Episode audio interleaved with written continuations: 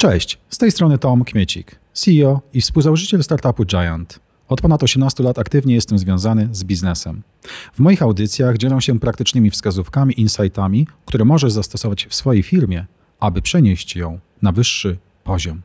Dzisiaj wprowadzę Cię w świat automatyzacji, sztucznej inteligencji, nowych technologii. Z moim gościem, Andrzejem Sobczakiem, porozmawiamy o ich szerokim zastosowaniu tak w biznesie, jak i w życiu codziennym. Jeśli jesteś zainteresowany, co automatyzacja może zmienić w Twoim biznesie, napisz do mnie. Cześć Andrzeju, witam Cię serdecznie. Witam serdecznie Cię Tomku. Jak się masz dzisiaj? No, pogoda jak najbardziej dopisuje, e, e, optymistycznie jest, świeci słońce e, i jeszcze nie dopadł mnie COVID, oby jak najdłużej ta sytuacja trwała. Oby jak najdłużej ta sytuacja trwała, czy ja dobrze słyszałem? Tak, bo to pewnie wcześniej czy później e, zachorujemy, chyba że uda nam się zaszczepić, ale ponieważ nie jestem w grupie uprzywilejowanej, to troszeczkę trzeba poczekać na to. Co prawda mamy rozmawiać o technologiach, o, o innowacji. Myślę, że nie pójdziemy w, w kierunku e, COVID-u, ponieważ ty specjalizujesz się w dziedzinie, jaką jest dziedzina automatyzacji, robotyzacji, e, w języku angielskim znana również pod hasłem Robotic Process Automation. Gdybyś w kilku słowach mógł o sobie. E, jestem bardzo chyba nietypową osobą, ponieważ staram się łączyć naraz trzy światy. Z jednej strony y, pracuję na SGH, gdzie kieruję zakładem zarządzania IT i od wielu lat zajmujemy się cyfrową transformacją. Ja się w szczególności koncentrowałem w architekturze złożonych systemów, e, data governance, no i taka nowa wielka moja miłość, oprócz miłości do żony i dzieci, to e, roboty, roboty programowe. Drugie, jak gdyby moje wcielenie, to działanie na rzecz budowy dojrzałości, świadomości e, polskich przedsiębiorców w zakresie robotyzacji, automatyzacji procesów, ponieważ ja głęboko wierzę, że to nie jest możliwość wyboru, tylko to jest pewien imperatyw, gdzie firmy polskie albo wejdą w to, albo po prostu za sekundkę zostaną zmiecione, bo rynek się zmienia, bo klienci się zmieniają, bo konkurencja zupełnie z nowej strony zostanie zaatakowana, ich zaatakuje. E, no i trzecia taka moja noga to e, działania takie projektowe, żeby w tym, co mówię i uczę studentów, e, w tym, co opowiadam na konferencjach, być wiarygodnym, czyli uczestniczę w projektach właśnie z zakresu cyfrowej transformacji. Wow. E, czyli wszystko jakby kręci się wokół tematyki, tematyki automatyzacji, robotyzacji, co mnie bardzo niezmiernie e, cieszy, e, bo o tym dzisiaj chciałbym z Tobą głównie, Andrzeju, porozmawiać. Powiedz mi, zaczęliśmy trochę, trochę tak, trochę może być może pesymistycznie od tego COVID-u, od sytuacji, która ma miejsce, jest rok 2021, styczeń. Czy Ty widzisz jakieś nowe trendy w automatyzacji w tym roku już? E, tak naprawdę te trendy związane z, e, z, automatyzacją zaczęły się nasilać w zeszłym roku. E, teraz z każdym, zakładam, miesiącem będą przybierać na sile, a mianowicie odejście od typowych robotów, które w Polsce, które w Polsce firmy fascynowały rok, dwa lata temu, takich robotów programowych w ramach Robotic Process Automation, ale tak naprawdę łączenie robotów z innymi technologiami. Bardzo fajne połączenie jest z e, OCR-ami, inteligentnymi OCR-ami, to jest jeden kierunek. Mhm. Na pewno bardzo fajne połączenie jest robotów z sztuczną inteligencją, szeroko rozumianą machine learningiem, mhm. modelami e, e, związanymi z uczeniem maszynowym. Mhm. No i e, trze trzeci kierunek to roboty plus e, low-code, no-code. Czy ty mówisz o takich gotowych rozwiązaniach, pudełkowych rozwiązaniach wręcz, czy mówisz o tendencji generalnie łączenia? Ja mówię o tendencji generalnie. Mm, obserwujemy, że firmy przechodzą od prostych rozwiązań do właśnie coraz bardziej złożonych środowisk, gdzie z tyłu głowy musi być jakiś architekt czy architektura i poukładanie tego wszystkiego. Na pewno. Ale jest też przeciwległa taka tendencja, zupełnie jak gdyby na drugim końcu, gdzie e, jednostki biznesowe same zaczynają się interesować możliwościami, które dostarczają roboty programowe i część dostawców wdraża rozwiązania, czy pozwala y, budować roboty w takim modelu demokratycznym.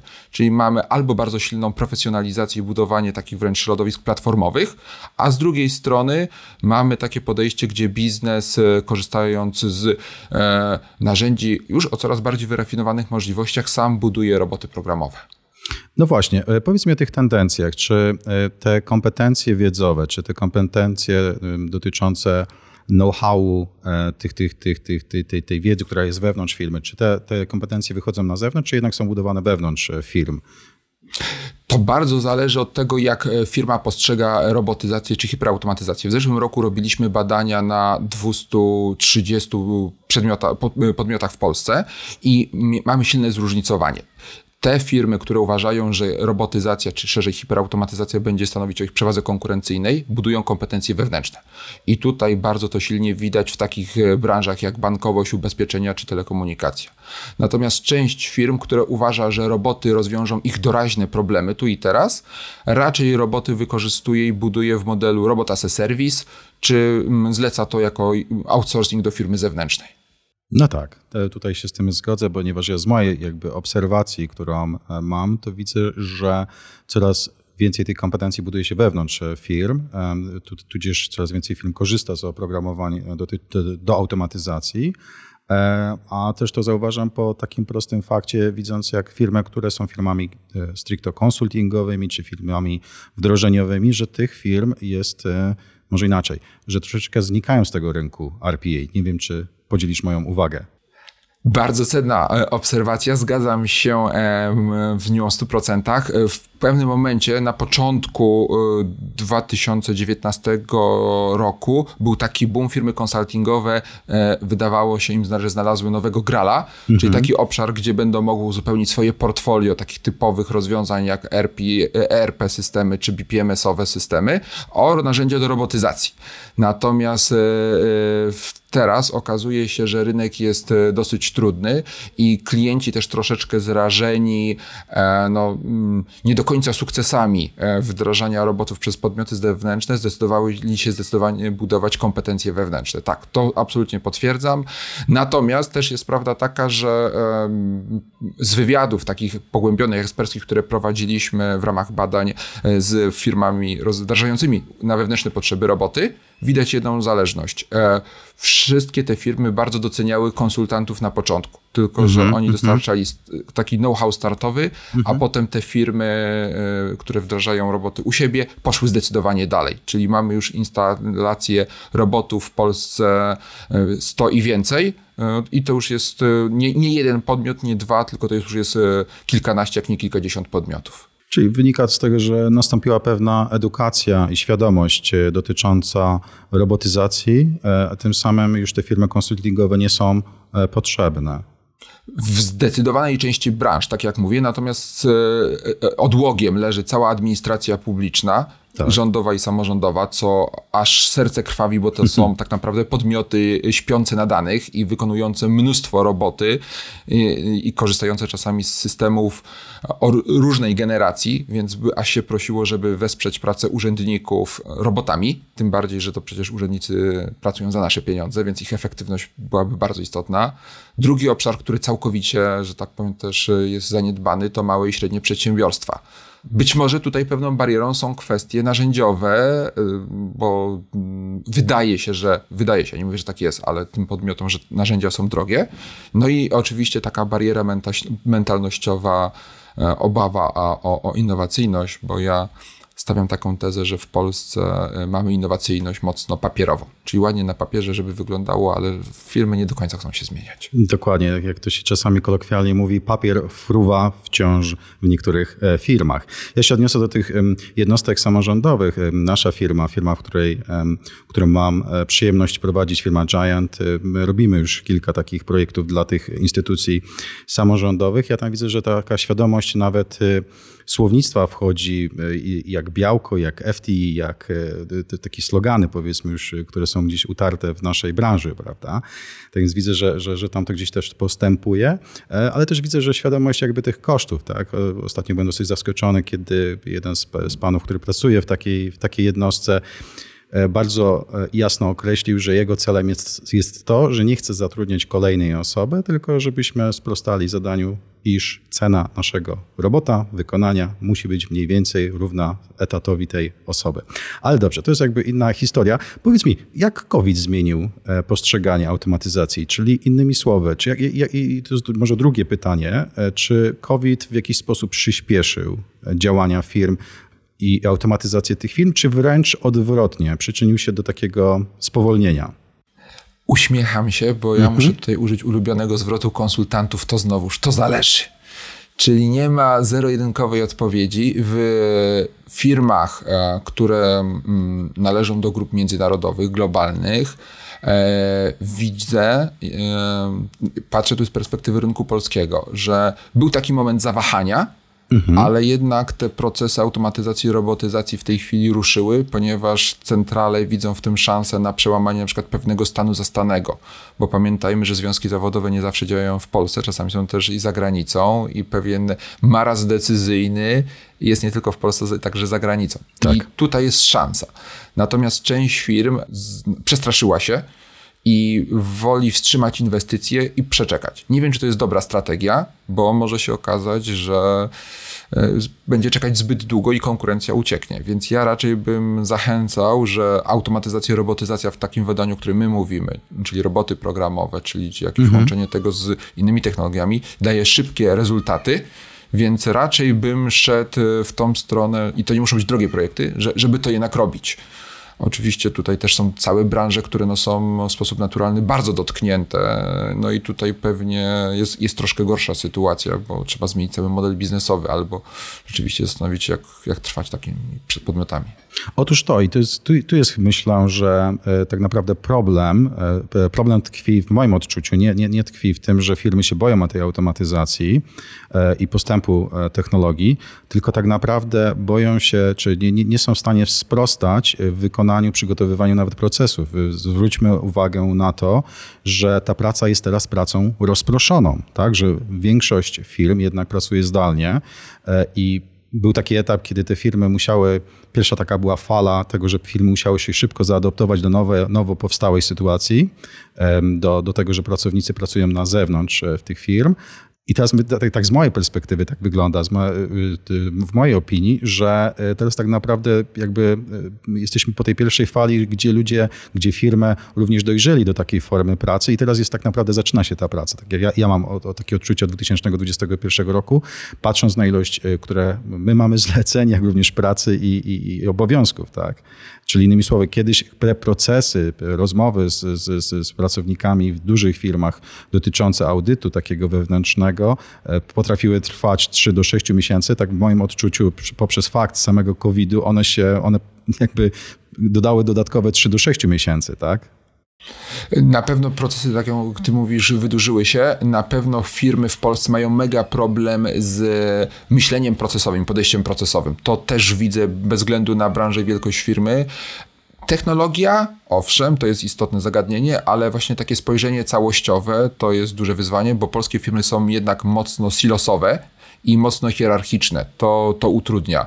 E, drugi taki aspekt, który ja widzę, to e, oczywiście pierwszym szokiem było przestawienie się firmy na e, pracę zdalną i do legendy tak krążą, przechodzą, że pracownicy tuż przed zamknięciem w marcu 2020 jeździli, skupowali laptopy, żeby można tak. pracownicy... Tak, taksówkarzy rozwozili. Mhm. Tak, dokładnie. Mhm. Robili, żeby, żeby sobie poradzić z tymi wyzwaniami. Później taki był okres uczenia się. Teraz już chyba sporo okrzepło i ludzi, i procesów, i technologia troszkę też dojrzała. No nie ukrywajmy jednak firmy typu Microsoft czy Zoom inwestują mocno w infrastrukturę, żeby poradzić sobie z tym ruchem. Natomiast ludzie są zmęczeni.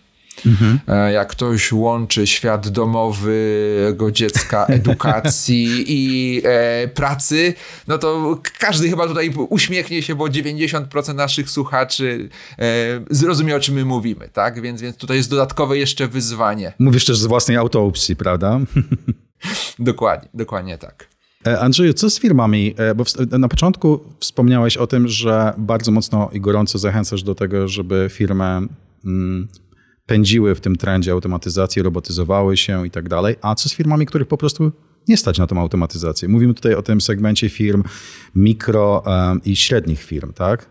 Obecnie rynek narzędzi do y, robotyzacji jest bardzo szeroki. Czyli są z jednej strony narzędzia bardzo, bardzo drogie, mhm. E, i robiące się coraz droższe. Są narzędzia tanie, które zrobią się za chwilę troszeczkę drogie, bo akurat taki jest model licencjonowania, żeby y, wziąć, zbudować dużą bazę klientów i przejść na, na, na drogie licencje, ale też są narzędzia albo bardzo tanie, albo narzędzia open source'owe Skrajny przypadek, który jest publicznie prezentowany, to odejście od bardzo drogich, topowych narzędzi do robotyzacji na skrypty Pythonowe, bo okazuje się, że jest po prostu tak taniej.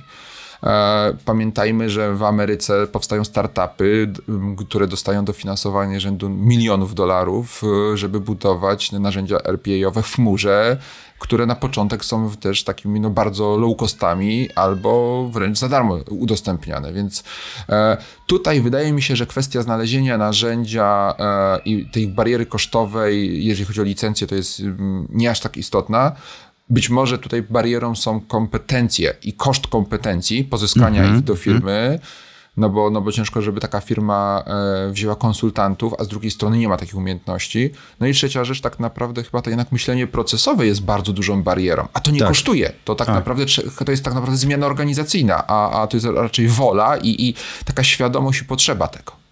No tak, y, z mojego ponownie doświadczenia, z mojego podwórka, y, ty miałeś tą sposobność przedstawić się. Y, ja też jestem na tym rynku ponad 5 lat, rynku RPA i wynika to, że bardzo często, kiedy rozmawiamy z tymi mniejszymi przedsiębiorcami, tak, to, to, to są firmy rzędu 20-50 pracowników zwyż, które mają chęć automatyzowania, robotyzowania, to bardzo często te procesy są w głowie, w głowach e, tych, tych, tych, tych przedsiębiorców, tych właścicieli i oni jakby na kiedy stykają się z naszym biznesem, nagle rozumieją, że muszą gdzieś rozpisać to, co mają w głowie w postaci flow, tak? Bo tak byli zajęci kilka lat wcześniej, budując firmę, że nawet nie mieli czasu takiego rozpędu y, dostali, że nie mieli czasu tego jakby gdzieś tam spisać, tak?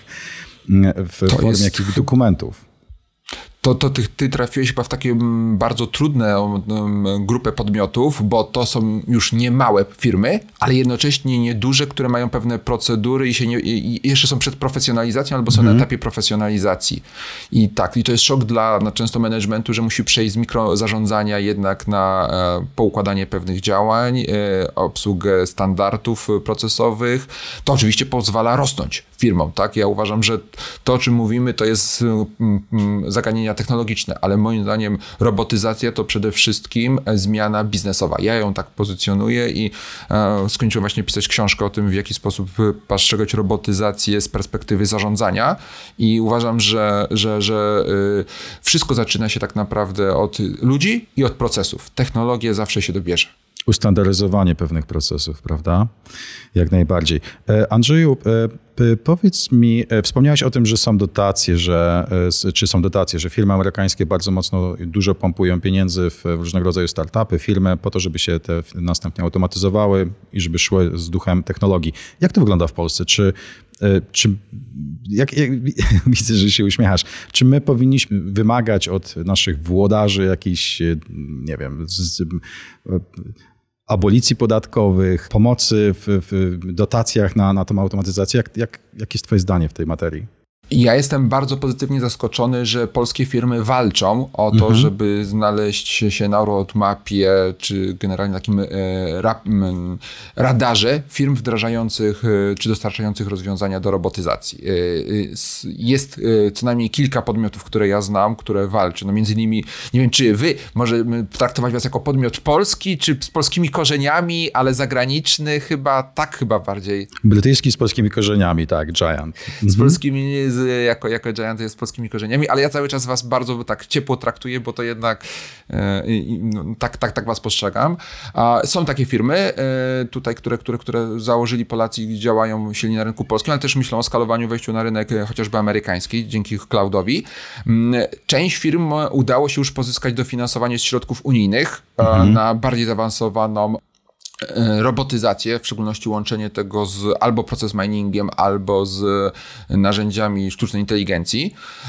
Natomiast e, to jest wsparcie technologiczne, ale żeby rynek urósł, to tak naprawdę muszą też być podejmowane działania systemowe, w szczególności teraz w czasach COVID-u. Ja wiem, że ciężko jest mówić o specjalnie o zniżkach mm, podatków, bo raczej nasi włodarze będą myśleli, jak zasypać tą dziurę budżetową, mhm. ale to, jest, to są mądrze wydane pieniądze, tak? To znaczy y, zbudow, uzyskanie pewnego dofinansowania albo pewnych zwolnień od podatków firm, które wdrażają innowacyjne technologie cyfrowe, w szczególności robotykę, procesów, myślę, że zaowocuje w przyszłości, bo tak jak mówię, firmy muszą się zmieniać, a do wyobraźni często decydentów no jednak przemawiają też takie możliwość realnych oszczędności albo takiego realnego dofinansowania. Tak jak w modzie, są pewne zauważalne trendy, zauważalne, e, zauważalne zmiany, tak i w RPA są też zauważalne pewne zmiany. Mniej więcej w połowie 2020 roku bardzo mocno i często mówiło się o o low codingu. Nie, nie lubię zangielszczać rzeczy czy, czy słów, ale taka definicja się pojawiła na, na rynku RPA. Czy ona wciąż trwa? Czy ten trend wciąż jest? Czy on się w ogóle sprawdził? Czy ten low coding faktycznie zrewolucjonizował podejście do automatyzacji? Czy, czy też nie? Czy to była taka chwilowa, jakiś chwilowy kaprys? Ja mówię tak, low code i no code, takie platformy do niskokodowego tworzenia aplikacji. Brzmi po polsku strasznie. Zgadzam się, że jednak anglojęzyczny termin jest bardziej taki przemawiający do, do, do wyobraźni. Mhm tak naprawdę low-code i no-code jako rynek jest dużo starszy i dużo większy niż rynek RPA-owy, tak mówi Gartner i, to, i my tylko w Polsce tego nie widzieliśmy. E, kiedy ja się zajmowałem low-codem, no-codem jeszcze 4, 5, 7 lat temu i, i patrzyłem na, na, na dostawców globalnych, to wtedy w Polsce w ogóle nie było na to zainteresowania. Dlaczego? Bo mieliśmy stosunkowo dużo tanich deweloperów. Teraz, kiedy deweloper zaczyna zarabiać tyle co dyrektor e, i e, zaczyna, w szczególności senior developer, nagle się okazuje, że low-code, no-code może być ciekawą alternatywą. I to jest jak gdyby jeden kierunek dla, dla, dla, dla budowy aplikacji, ciekawą alternatywą. Drugi, drugi powód e, jest taki, że nie wszystko da się zrobić robotami. W związku z tym nawet dostawcy e, platform robotycznych uważają, że narzędzia low-codowe są świetnym uzupełnieniem e, ich oferty. I teraz patrząc na przykład na rynek finansowy, którego w zeszłym roku robiliśmy bardzo pogłębione badania, czy na czy zarówno bankowość, jak i ubezpieczenia, na rynek sektora szeroko rozumianego produkcji przemysłu, gdzie jednak też e, polskie firmy dosyć dobrze obecnie sobie radzą, bo, bo, bo COVID ich tak mocno nie dotknął, to w tych dwóch sektorach widać duże zainteresowanie low-codami, no-codami. Tym bardziej, że to się bardzo fajnie wpisuje w tą e, ideę demokratyzacji technologii, która mi jest bardzo bliska, czyli, czyli i roboty, i mini aplikacje e, są budowane przez jednostki biznesowe. My w 2019 zrobiliśmy takie badania, zaawansowane kompetencje przyszłości, na co firmy będą stawiać. To jest koniec 2019 z perspektywą 2,5 do 3 lat. Pierwsze miejsce analityka danych, drugie miejsce low cody, no cody łamane przez roboty, trzecie miejsce taka bardzo pragmatyczna sztuczna inteligencja. Więc to chyba jest ten jeden z tych kierunków, gdzie, gdzie, gdzie będzie jednak room na tego typu działania. Czy, czy nie jest to tak, że trochę ten low code to jest takie marketingowe narzędzie na, na wejściu do firmy? Ja powiem tak, e, tak twierdzi IT i działy IT i działy security, które nie do końca lubią low-cody, no-cody, mm -hmm. bo im się zabiera władzę i takie władność i oczywiście mm -hmm. e, rośnie problem związany z governance'em IT i security IT. Natomiast e, ja twierdzę, że biznes jest bardzo tego spragniony, bo e, zwłaszcza działy back-office'owe, które są mocno często niedoinwestowane, jeżeli chodzi o, o rozwiązania informatyczne, bo głównie my idziemy w customer experience, a zapominamy o employee experience. Mhm. E, w związku z tym myślę, że biznes będzie się temu chciał przyjrzeć, no bo jaką alternatywę? Albo czeka rok na e, zrealizowanie requesta, albo mhm, w mhm. ogóle nie zostanie request zrealizowany, albo Excel to może jednak e, w tym wypadku ten low-code nie, nie jest takim złym rozwiązaniem. Z naszej perspektywy wygląda to tak, że oczywiście rozwiązanie nasze Giant jest rozwiązaniem skryptowym, w związku z tym no, trzeba mieć pewnego rodzaju umiejętności logiczne czy też e, informatyczne, choć jest to bardzo prosty język e, do, do, do pisania. Natomiast no, wygląda to, to, to tak, że bardzo często firmy, które korzystają z tych takich low-codowych rozwiązań, po pewnym czasie rozumieją, że pani, no, tak, z tak samym szacunkiem, czy pani Basie, czy pani Kasie, czy pan Janek, gdybyśmy mogli tutaj ich określić na recepcji, nie jest w stanie wszystkiego zautomatyzować, tak? Że jednak trzeba mieć tą tą podstawę technologiczną, tą wiedzę technologiczną. To teraz pytanie jest takie, jak w ogóle low-coda wdrażać. Ja uważam, że to znowuż to odpowiedni sposób podejścia do wdrożenia, czyli z jednej strony zbudowanie kompetencji, pewnych procesów e, pozwala e, spać spokojnie security, biznesowi, e, działowi IT, Czyli liczy się jak gdyby takie samo podejście do wdrożenia, bo dostarczenie narzędzia i powiedzenie to sobie budujcie aplikację, to jest marsz ku klęsce. Natomiast jeżeli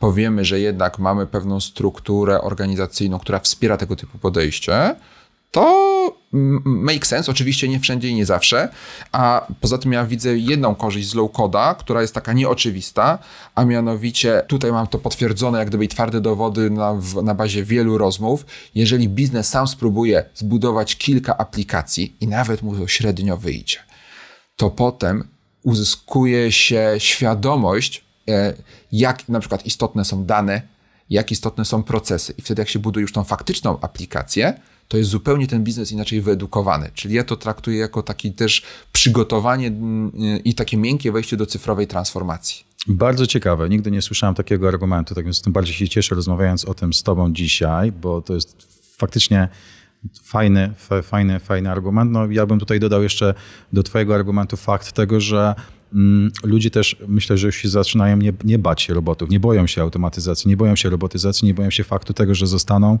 e, brutalnie zastąpieni przez maszyny wirtualne. To zależy, gdzie oni fizycznie są. To znaczy, ja mam teraz taką e, możliwość popatrzenia na świat e, dużego miasta wojewódzkiego, czy stolicy dużego miasta wojewódzkiego, czyli Warszawa, Łódź, ale też miasta powiatowego, e, dosyć daleko od, od że tak powiem,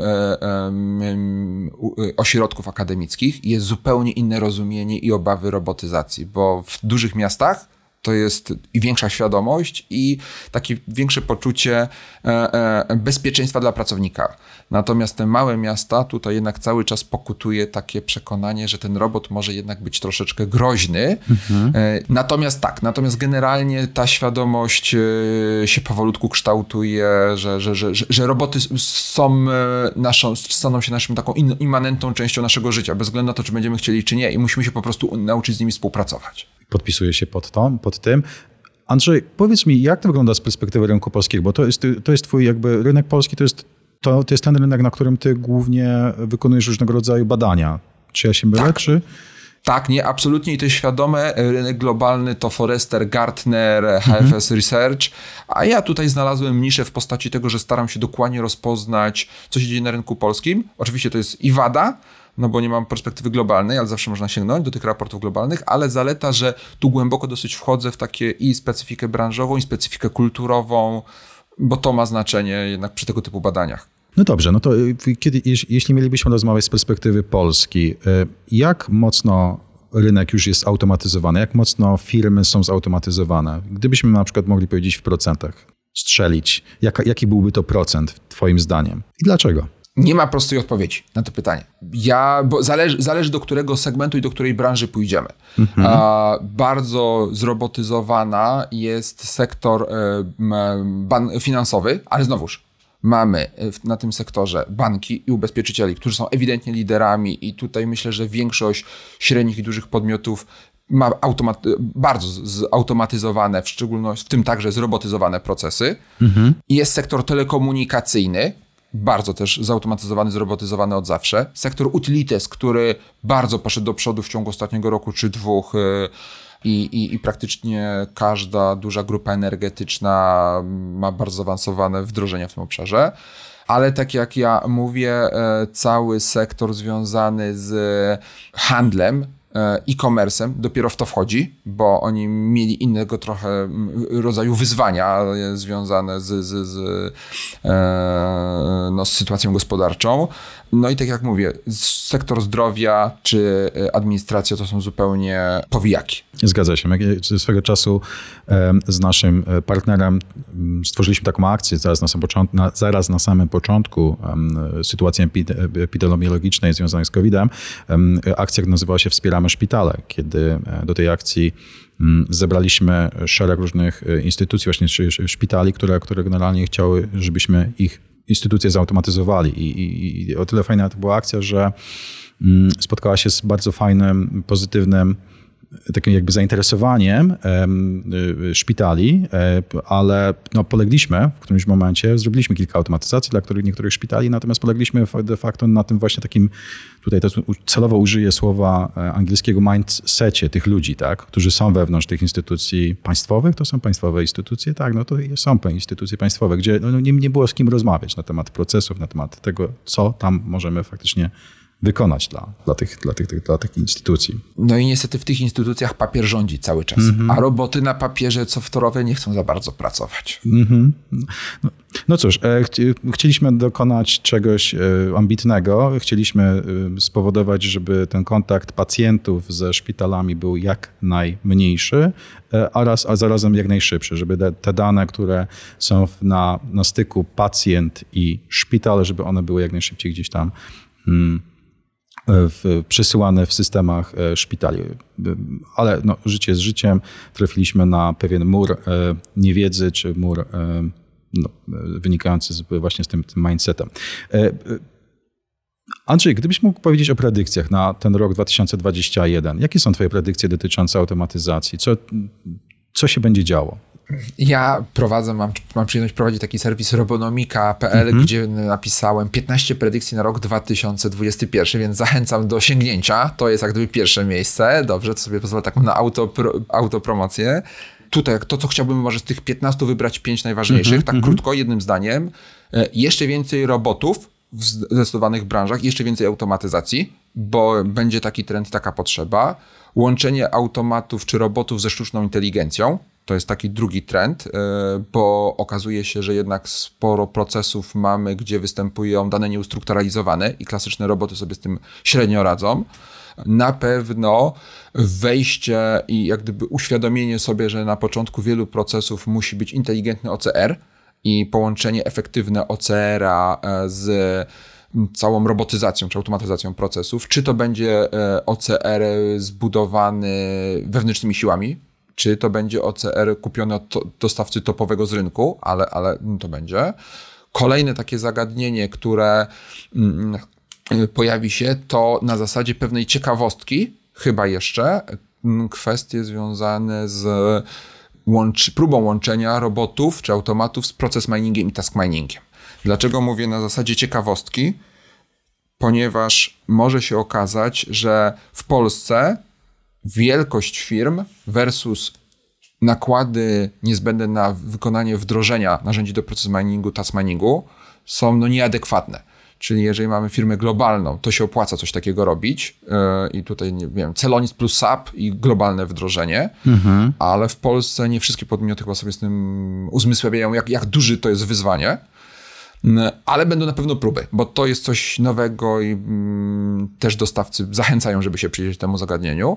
No i chyba ostatni taki, e, ostatni trend, który miałbym e, wskazać, e, to może zaskoczę, może nie, odejście od robotyzacji na poziomie interfejsów użytkownika GUI i przejście, e, sprofesjonalizowanie się niejako, o, o robotyzacji, przejście na budowę web serwisów, bardziej złożonych integracji z poziomu robotów e, i budowanie takich e, robotów no, bardziej złożonych, tak? coraz, coraz bardziej. Nie tylko takich, gdzie, które działają na, na, na przeglądarce. E, to, pozwala, to pozwala na mniejszy effort na, podczas utrzymania tych robotów.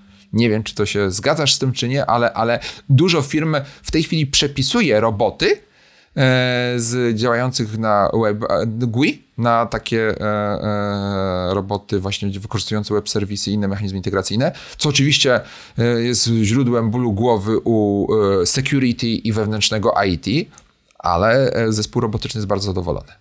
No, jedną sprawą jest zrobienie robota, drugą sprawą jest utrzymanie tego robota, tak? Czyli tak zwana orkiestracja, jak to też ponownie z angielskiego czerpiemy tutaj to słowo. Czyli czy ja dobrze rozumiem, Twoim zdaniem to, co się dzieje teraz w firmach, to jest to, że firmy budują swoje własne takie orkiestratory, taki panel, dashboard do zarządzania tymi robotami. Czy ja dobrze rozumiem? Ra, chyba nie, niekoniecznie budują orkiestratory, raczej sobie uświadamiają, że one muszą być mhm. i muszą być wdrożone, prawda? Mhm, e, mhm. bo kiedy mamy kilka robotów, to się nimi da zarządzać ręcznie. Przy kilkudziesięciu, kilkuset, to już jednak ten orkiestrator musi być potrzebny. Mhm. Być może to jest też e, pomysł, bo coraz więcej firm zaczyna oferować orkiestratory nie tylko do e, orkiestracji pracy robotów, ale także innych narzędzi do automatyzacji. I tu jest taki, taka przestrzeń, że, że, że firmy chcą dzięki takim narzędziom mieć jakiś governance wokół automatyzacji. W szczególności, kiedy mówimy o tej takiej automatyzacji lekkiej. Skrypty Pythonowe, skrypty -hmm, Excelowe, mm -hmm. roboty. No, gdzieś to, jakoś to trzeba poukładać, wersjonować, zarządzać zmianą. To jeszcze jest przed nami tak naprawdę chyba. Jak najbardziej. Ja tak się troszeczkę pochwalę, jak u nas to wygląda w firmie, ponieważ mhm. w momencie, kiedy do nas przychodzi nowy pracownik, my zwykle mówimy, że nie chcemy zatrudniać, ponieważ e, większość rzeczy, którą robimy w firmie, chcemy automatyzować. Wykorzystujemy własną naszą technologię, technologię Giant. I e, jeszcze z 2-3 lata temu e, gdzie mieliśmy wewnątrz naszej firmy dla różnych potrzeb. Tutaj nie będę wchodził jakby potrzeby, co te roboty robią i tak dalej. Mieliśmy dwa, trzy roboty, tak w tym momencie mamy około 30-40 własnych robotów zbudowanych i, i, i, właśnie ten orkiestrator, który też jest takim naszym narzędziem, e, Giant Orchestrator, e, świetnie się sprawdza i pomaga e, naszym, naszym, naszemu własnemu wewnętrznemu działowi RPA. Tak więc jak najbardziej, to... jeżeli... Tak? To Tomku, to ja powiem tak, to dotknąłeś dwóch takich tematów, które mi są bardzo bliskie. Pierwszy, to ja zaczynacie tworzyć hybrydowe środowisko pracy. To się tak ładnie nazywa, tak. gdzie rzeczywiście jest bardzo dużo robotów i oni ramię ramię pracują z ludźmi i my musimy się do tego przyzwyczaić i znowuż, to jest wyzwanie technologiczne, czyli musi być ten taki orkiestrator, ale mm -hmm. też wyzwanie mm -hmm. takie mentalne, często dla kadry menedżerskiej, bo przy tego typu mm, wdrożeniach, no to ja mam kolegę nie siedzącego obok, tylko mam cztery roboty jak się odnaleźć w tym, bo menadżerowie często mają kompetencje miękkie, a niekoniecznie technologiczne. I to jest jak gdyby jedna rzecz. I druga rzecz, która mi bardzo, że tak powiem, a, a, a, uwiodła, to ja będę musiał w takim wypadku się umówić na dłuższą kawę z tobą. E, ja mam taką wizję, że zaczną powstawać przedsiębiorstwa, niekoniecznie stare, ale właśnie takie nowe, które rozwijają się bardzo, które są, których procesy i których myślenie i których działanie jest od razu nastawione na automatyzację. I to jest przyszłość, czyli płaska struktura, bardzo efektywne kosztowo, bardzo elastyczne, dzięki temu, że jest mnóstwo danych w postaci cyfrowych, mnóstwo robotów, mnóstwo automatyzacji. Takie autonomiczna firma przyszłości. Może to jest perspektywa 5-10 lat, ale to jest taka moja wizja. Czyli ubrałeś w słowa, e, w, w, w, terminologię coś, co my de facto robimy, bo jak, jak troszeczkę się śmieję, taki tam troszeczkę tobie insight, jak to wygląda u nas w firmie, mhm. każdy pracownik naszej firmy ma swojego własnego wirtualnego robota, własnego asystenta. I tak czasami ja nawet żartuję, że e, czy Ewa ma swoją, e, swojego robota Ewę, ja mam swojego Toma, mamy Teda, mamy, mamy, mamy Macieja, mamy, czyli Maka i tak dalej. Wszystkie, każdy ma pracownik swojego własnego robota i czasami się śmieję nawet, że, że ktoś do mnie przychodzi i mówi, stary, ja mam tyle roboty, to ja się zaczynam śmiać no ale stary, ja ci, dałem, ja ci dałem asystenta, ty masz asystenta do pomocy, nie? Co ty mi narzekasz tutaj? Tak, ale to jest, to jest, to jest nasza przyszłość i, i e, e, my, to, to, to, nie jest przyszłość odległa, tak? To, to mhm. nie jest przyszłość odległa, to jest przyszłość w wielu branżach 5-7 lat tak naprawdę. E, jeszcze tutaj pewną barierą jest oczywiście komunikacja z takimi robotami, ale ja głęboko wierzę, że e, ona zostanie przezwyciężona poprzez to, że język naturalny, polski język naturalny, tak? bo o polskim mówimy, mm -hmm. to jest to nasza specyfika, będzie coraz lepiej rozumiany przez chatboty, voiceboty i to jest też taki trend, ale chyba jeszcze bardziej na 2022 niż 2021 łączenie robotów z chatbotami, voicebotami w takie bardzo całościowe podejście procesowe, że na początku procesu jest voicebot, potem e, robot, potem jakieś inne automatyzacje albo w systemie dziedzinowym, albo ciężkim, takie za pomocą jakiegoś BPMS-a. Mhm. No i to potem gdzieś wraca znowu do, do chatbota, voicebota i ta odpowiedź jest przekazywana klientowi, zewnętrznemu bądź wewnętrznemu. Bo pamiętajmy, że przecież tego typu rozwiązanie może być, nie wiem, świetne w helpdesku globalnym, czy w, e, w dziale HR dużej firmy. Jak najbardziej. Ponieważ zmierzamy do końca, Andrzeju, jak I jak, jak powiedzmy jeszcze tak, tak z czystej ciekawości rozwija tobie się ten program e, hiperautomatyzacji? W, w lutym, e, z tego co, co, co, co, co mam e, informację, będziemy też mieli przyjemność uczestniczenia w twoim, e, to jest webinarium, to jest, to jest event taki e, online'owy, prawda? Tak, to jest, to jest szaleństwo. To jest szaleństwo, ponieważ, e, e, w, ale to już pokazuje przykład mocy e, automatyzacji, mhm. E, e, czy hiperautomatyzacji.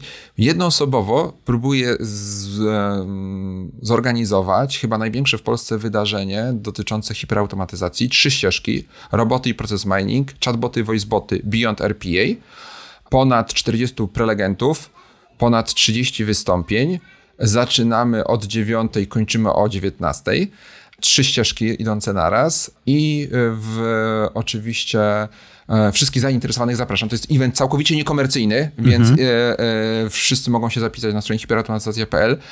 Tak zażartuję, że na razie nie mam jeszcze krzty programu, ponieważ on się buduje i próbuje e, e od prelegentów wydobyć program. Mamy zapisanych na ten moment 360 osób, więc to jest jak gdyby jedna, e, jedna, jedna strona tego wydarzenia, bo to oczywiście wszystko online. Druga strona to jest tak naprawdę początek budowy community w Polsce e, związanej z hiperautomatyzacją, bo ja głęboko wierzę, że wymiana wiedzy e, i dostawców, i konsultantów, i firm końcowych make sense, więc, więc w ramach tego eventu będę chciał jak gdyby tutaj otworzyć takie, takie community i wszystkich zainteresowanych zaprosić też oczywiście jako, jako przedsięwzięcie niekomercyjne. To ja się bardzo cieszę, że rozmawiam z e, przodowym ewangelistą RPA w Polsce. Andrzeju, dziękuję Ci bardzo za dzisiejszą rozmowę.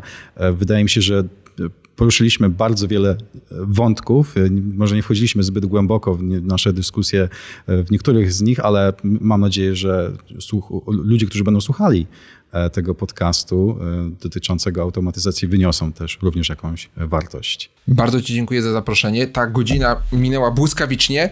E, no i serdecznie zapraszam wszystkich słuchaczy do, na konferencję i oczywiście posłuchanie też Waszego wystąpienia, bo też będziecie, będziecie jak najbardziej występować. Bardzo dziękuję jeszcze raz. Andrzeju, raz jeszcze dziękuję. Jeśli chcesz wprowadzić automatyzację w swojej firmie, zbudować roboty, ale nie do końca wiesz od czego zacząć, to po prostu napisz do mnie. Chętnie podzielę się swoim doświadczeniem i wspólnie wypracujemy idealne rozwiązanie dla Ciebie, jak i Twojego zespołu.